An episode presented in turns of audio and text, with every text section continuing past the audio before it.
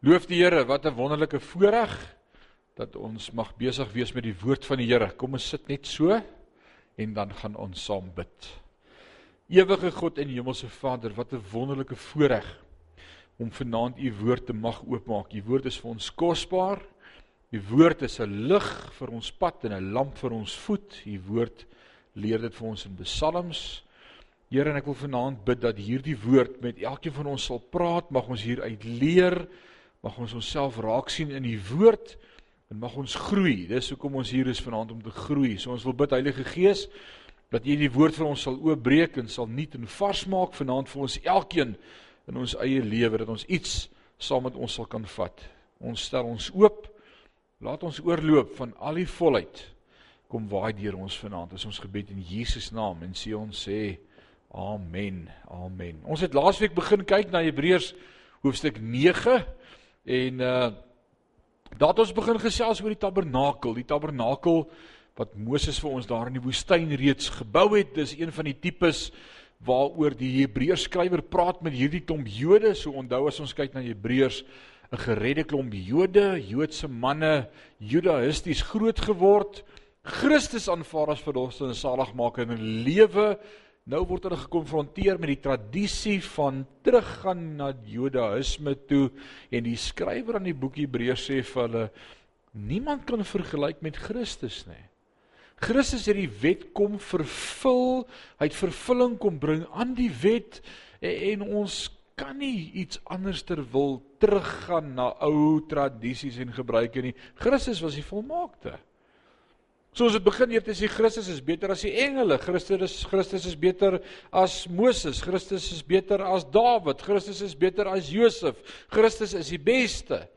So nou dat ons begin kyk na die tabernakel opset en wat was die tabernakel 'n plek waar ek met God kom ontmoet het? Wat kom doen Christus? Christus is 'n plek waar ek met God kan ontmoet.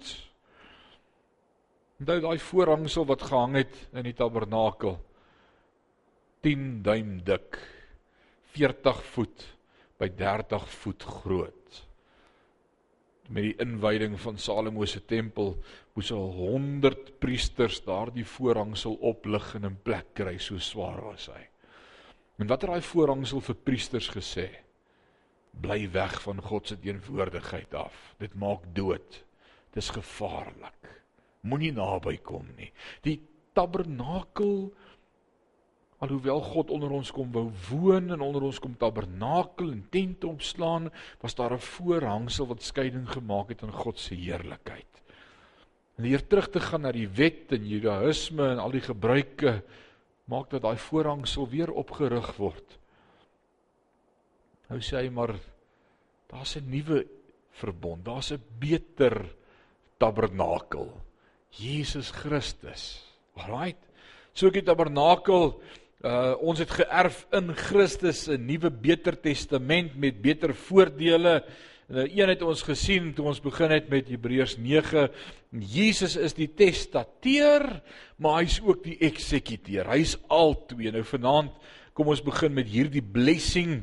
Uh hier kom die blessing nou ons Nuwe Testament het dieselfde testateur en eksekuteur en sy naam is Jesus Christus. Hy het vir ons die testament geskryf. Hy het vir ons gesterf, maar hy is ook die een wat vir ons na die tyd sê hoe om sy wet toe te pas, sy sy nuwe reëls wat hy vir ons gee, die Nuwe Testament. So hoe werk dit? Hy het sy testament geskrywe, hy het gesterwe sodat alles in vervulling kan kom en op die derde dag opgestaan en hy gee ons sy Heilige Gees sodat ons ook hierdie testament kan verstaan. Ons leef nie in onkunde oor wat hy beloof en bedoel het nie. Ons hoef nie te wonder nou hoe werk hierdie stuk nie. Die Heilige Gees maak dit vir ons oop en duidelik, man, dis net beter om by Christus te wees as by die wet. So, hy leef, hy leef in ons harte deur die Heilige Gees en hy maak sy woord aan ons bekend. So vanaand begin ons by Hebreërs 9 vers 18. Kom ons lees saam vanaf vers 18. Daarom is ook die Eerste Testament nie sonder bloed ingewy nie. Die Eerste Testament het bloed gehad.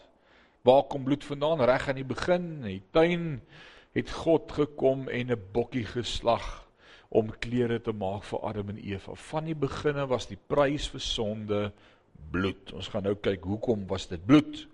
Vers 19 sê want toe elke gebod volgens die wet van Moses aan die hele volk aangekondig is, het hy die bloed van die kalwers en bokke saam met water en skarlakenrooi wol en hisop geneem en die boek self en die hele volk besprinkel en gesê dit is die bloed van die testament wat God met die oog op julle verorden het.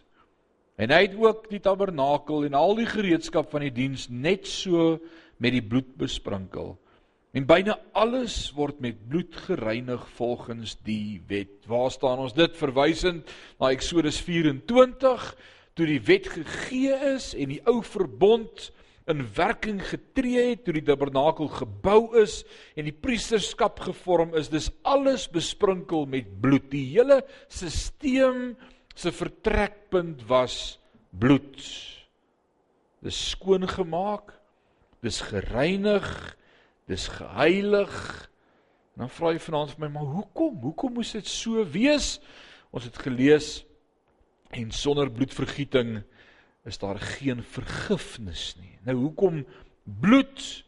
Hoekom moet bloed vloei om ons skoon te maak en te reinig? Dan is baie interessant. Iemand vra, hoe kan ons praat van God se woord, die Bybel as heilig? Dis vol moord en dood en egbreek en begeer en sonde en bloed. Kan ons sê hierdie woord is heilig as dit so lyk? Ek wil sê dis heilig omdat dit die waarheid praat oor ons. Die boek sê dit soos dit is. En moord en dood en egbreek en sonde en die bloed van die lam. Die Bybel praat die waarheid. So hoekom bloed om te reinig? Want hoe anders kan God die mensdom laat verstaan sonde is ernstig? Bloed beteken iemand moes sy lewe gee, of dit nou die bokkie was of 'n mens was. Bloed beteken lewe. En van die begin af sê God, sonde kos lewe. En daarom dood. En God is dood ernstig oor sonde en die gevolg daarvan op ons. Jy deel nie met sonde nie.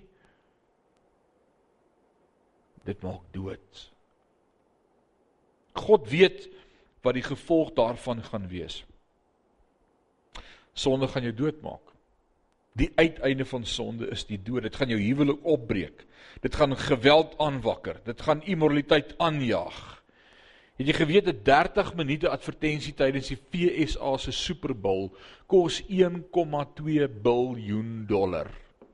Net vir daai 30 minute slots 30 sekondes sê ek 30 minute. 30 sekonde advertensie 1.2 biljoen dollar.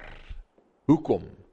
Omdat hulle weet dat dit wat hulle visueel prikkel met daardie gehoor van Amerikaners wat almal kyk, wil jy al rugby gekyk en ewe skielik kom daar 'n Spur burger op of 'n Kentucky, daai hoenderstukkies wat so stadig in slow motion hop en dan spat die krummels so van die hoender af en die stoom trek so uit. En of jy nou net klaar geëet het of nie, ewe skielik is jou mond jy proe daai stuk hoender. Dan sê jy mamma, dink jy nie ons moet bietjie Kentucky gaan koop nie? Hulle weet dit wat visueel geprikkel word, het 'n gevolg. Mense kyk daarna.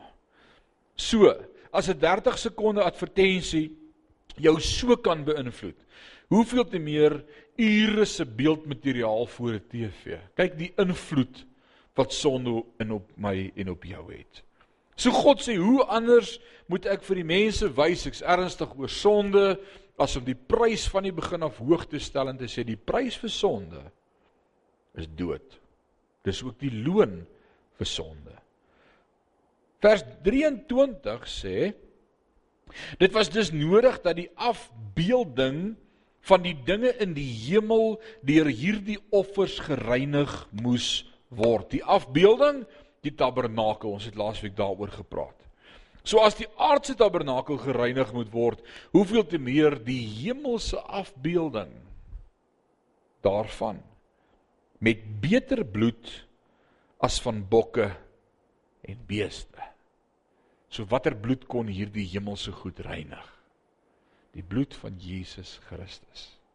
Maar as die hemelse dinge self deur beter offer as hierdie, nou sê vers 24, want Christus het nie ingegaan in die heiligdom met hande gemaak 'n teebeeld van die ware nie, maar in die hemel self om nou voor die aangesig van God vir ons te verskyn.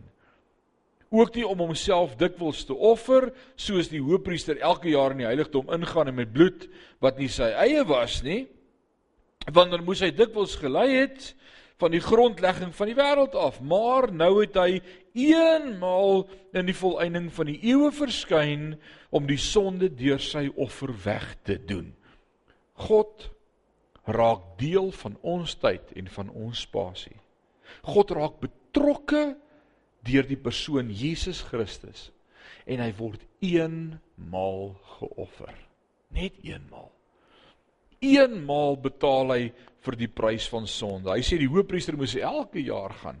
En ons weet dat as die hoofpriester ingegaan het in die allerheiligste, hy slegs uitstel kon kry vir 'n jaar. Dit het nooit gedeel met sonde nie. Maar Christus, die volmaakte offer, eenmal ingegaan. sien jy hierdie tipologie? Hy sê dis wat die oue mee deel, maar dis Christus. Die ou verbond, maar Christus. Judaïsme maar Christus. Die hoofpriester een keer per jaar uitstel, maar Christus een keer vir altyd. Dis beter. Sê Christus is die beste. Amen. Sodat die bloed van Jesus deur Jesus geneem word 3 dae tussen die kruis en die opstanding na die hemelse tabernakel en die bloed gaan offer eenmal vir alle sonde. Nou hoekom was dit nodig om die hemel te gaan reinig? Dis 'n vraag wat ons kan vra. Want die duiwel het toegang tot die hemel. Die duiwel het toegang tot die hemel. En ons ons sit saam met Christus in hemelse plekke. Waar leer ons dit? Efesiërs hoofstuk 1. En daarom moet die bloed ook in die hemel vir ons geoffer word, want ons sit saam met Christus in heilige plekke. Ons sit saam met hom in die hemel, nie net op die aardse riem nie, ook in die hemelse riem. Christus betaal hier en daar klaar vir sonde oral. Hoekom is dit belangrik om dit te verstaan? Want daar is die wat leer dat die lyding van Jesus voortduur elke keer as die nagmaal herdenk word. So deur die nagmaal te gebruik, rek ons net sy lyding vir ons uit. Wow. Ek wil sê dit is 'n teestelling met die woord. En daarom is die Rooms-Katolieke Kerk verkeerd. Wat sê dat elke keer as die nagmaal gebruik word ons nog steeds Christus kruisig? Nee. Die woord sê hy het vir ons een keer ingegaan, een keer betaal en hy sit aan die regterhand van God die Vader en is klaar. Hy het gesê tetelestai. Dis volbring. En dan drink hulle al die wyn en geen brood mag verlore gaan nie, want dit word elke keer letterlik die liggaam en die bloed van Jesus. Nee, dis nie letterlik nie. Dis net 'n teken. 'n Teken van die liggaam van Jesus Christus. Vers 27 En net soos die mense bestem is om eenmaal te sterwe en daarna die oordeel, mens sterf net eenmaal, sê saam met my eenmaal. In Jesus se geval het hy eenmaal gesterwe vir ons vir sonde aan die kruis. Dis ook die vers wat ek glo vir reïnkarnasie. Hoor wat sê hy? Hy sê kan kan jy onthou op die berg van verheerliking wie is saam met Jesus op die berg verskyn? Wie was daar gewees? Moses? Moses?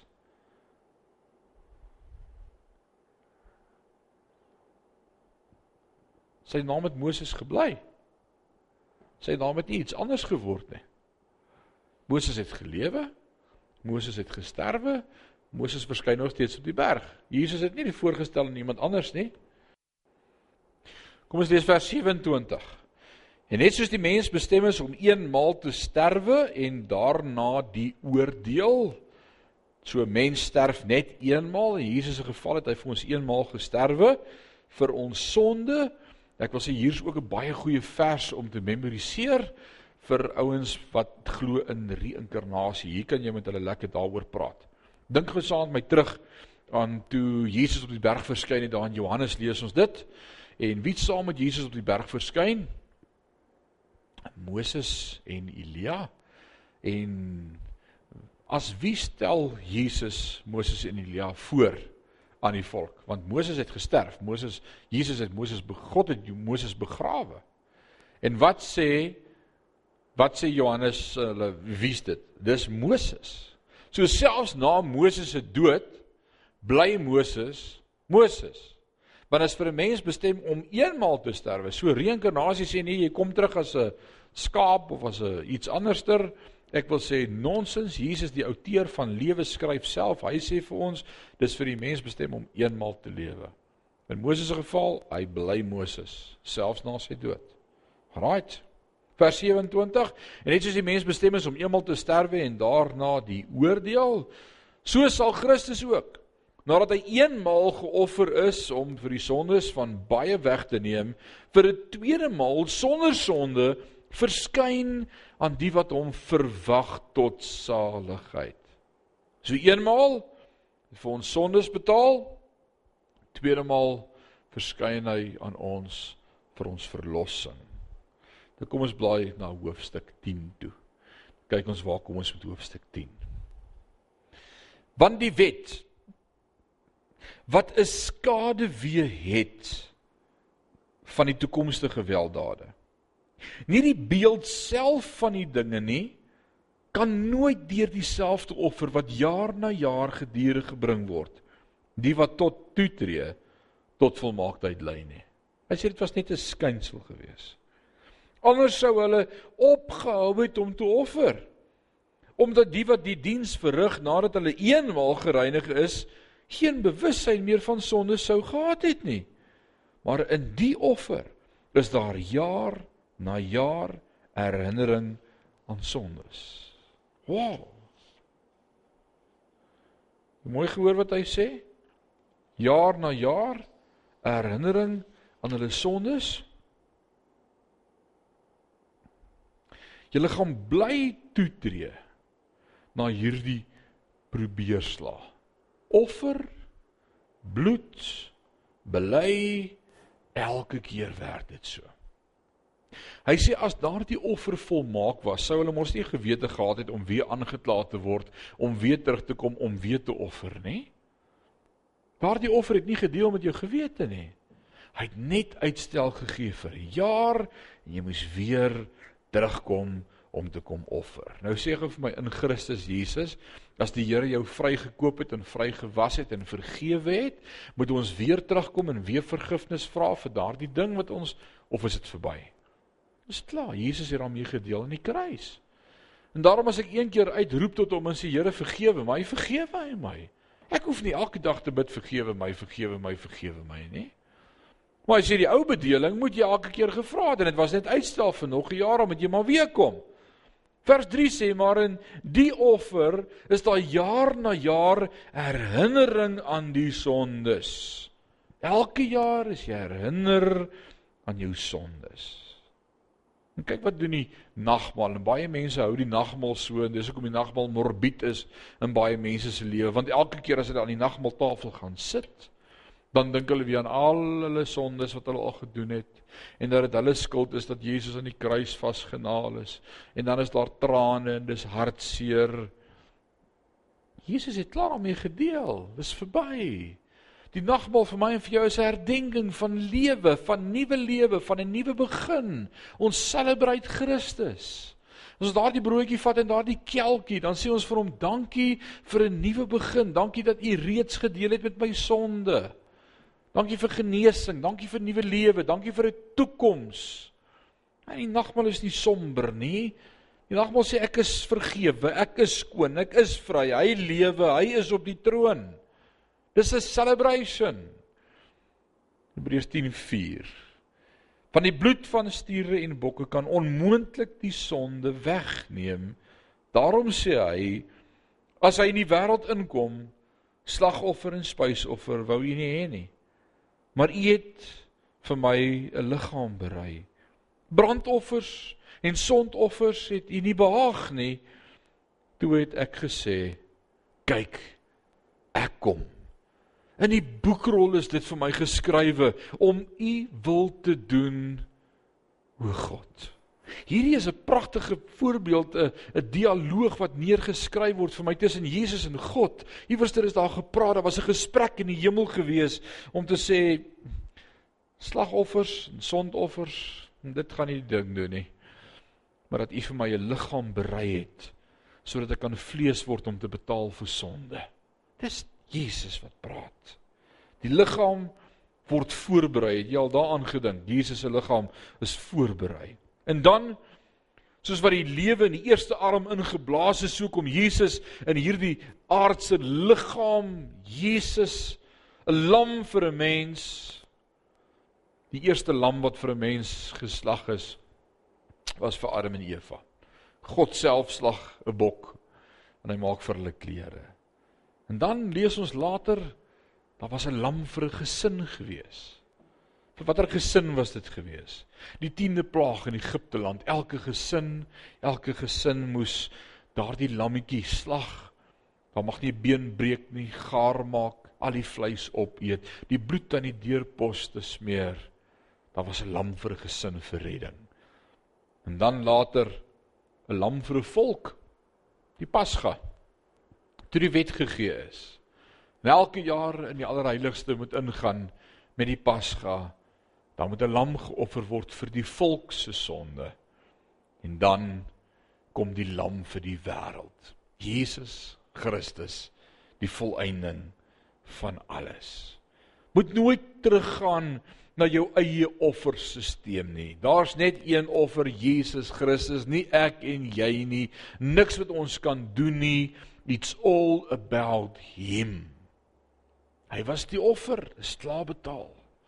Nou hoor wat sê vers 8, kom ons gaan aan met Hebreërs 10. Nadat hy hierbo gespreek het, slagoffer en spysoffer en brandoffer en sondoffer wou u nie hê en het u nie behaag nie, want volgens die wet geoffer word. Het hy daarna gesê, kyk, ek kom om u wil te doen o God.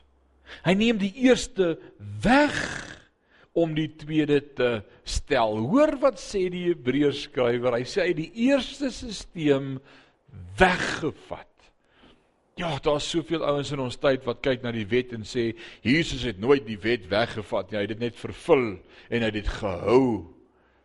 Gaan lees bietjie Hebreërs 10 vers 9. Hy sê Jesus het gekom om die eerste weg te vat en vir ons die tweede te gee. Die eerste stelsel is klaar. Die tweede was genade. Genade plaas jou wat God in jou wil hê. Genade, genade, genade. My genade. Hoekom is dit moeilik om te verstaan? Vers 10. Die Here hierdie wil is ons geheilig deur die offer van die liggaam van Jesus Christus net eenmaal. Hoeveel keer kan jy God se kind word? Net eenmaal. Hoeveel keer kan jy wedergebore word? Net eenmaal is. Ouens, baie van ons het honderde kere ons harte en lewens vir die Here gegee. Totdat jy verstaan dit gebeur een keer. En daarna sê ons net sorry vir wat ons verkeerd gedoen het, want ons is stoute kinders. Romeine 7 kom Paulus en hy leer ons as hierdie dinge wat ek nie wil doen nie, dit doen ek en wat ek wil doen, dit doen ek nie, maar ek bly God se kind. As jy dit nie gaan snap nie, gaan jy elke keer van voor af wil begin. En dis juist wat Hebreërs kom en sê jy kan nie weer voor begin nie, dis onmoontlik. Dan moet jy Jesus weer kruisig en jy kan hom nie weer kruisig nie. Jy bly God se kind. Vers 11 sê en elke priester staan wel dag vir dag om diens waar te neem en dikwels dieselfde slagoffer te bring wat tog nooit die sondes kon wegneem nie. Maar hy het nadat hy een slagoffer vir die sonde gebring het, vir altyd gaan sit aan die regterhand van God en wag nou verder totdat sy vyande gemaak is 'n voetbank van sy voete. Want deur een offer het hy vir altyd volmaak die wat geheilig word. Wie's dit? Die wat geheilig word. Ek en jy. Ons is geheilig deur die bloed van die lam. En ook die Heilige Gees gee aan ons getuienis want nadat hy tevore gesê het Dit is die verbond wat ek met hulle sal sluit na die dae, spreek die Here verder. Ek sal my wette gee in hulle hart en hulle verstand. En ek sal dit inskrywe en hulle sondes en hulle ongeregtigheid sal ek nooit meer dink nie. Waar daar nou vergifnis van hierdie dinge is, is daar geen offer meer vir sondes nie. Daar's geen offers wat oorbly nie.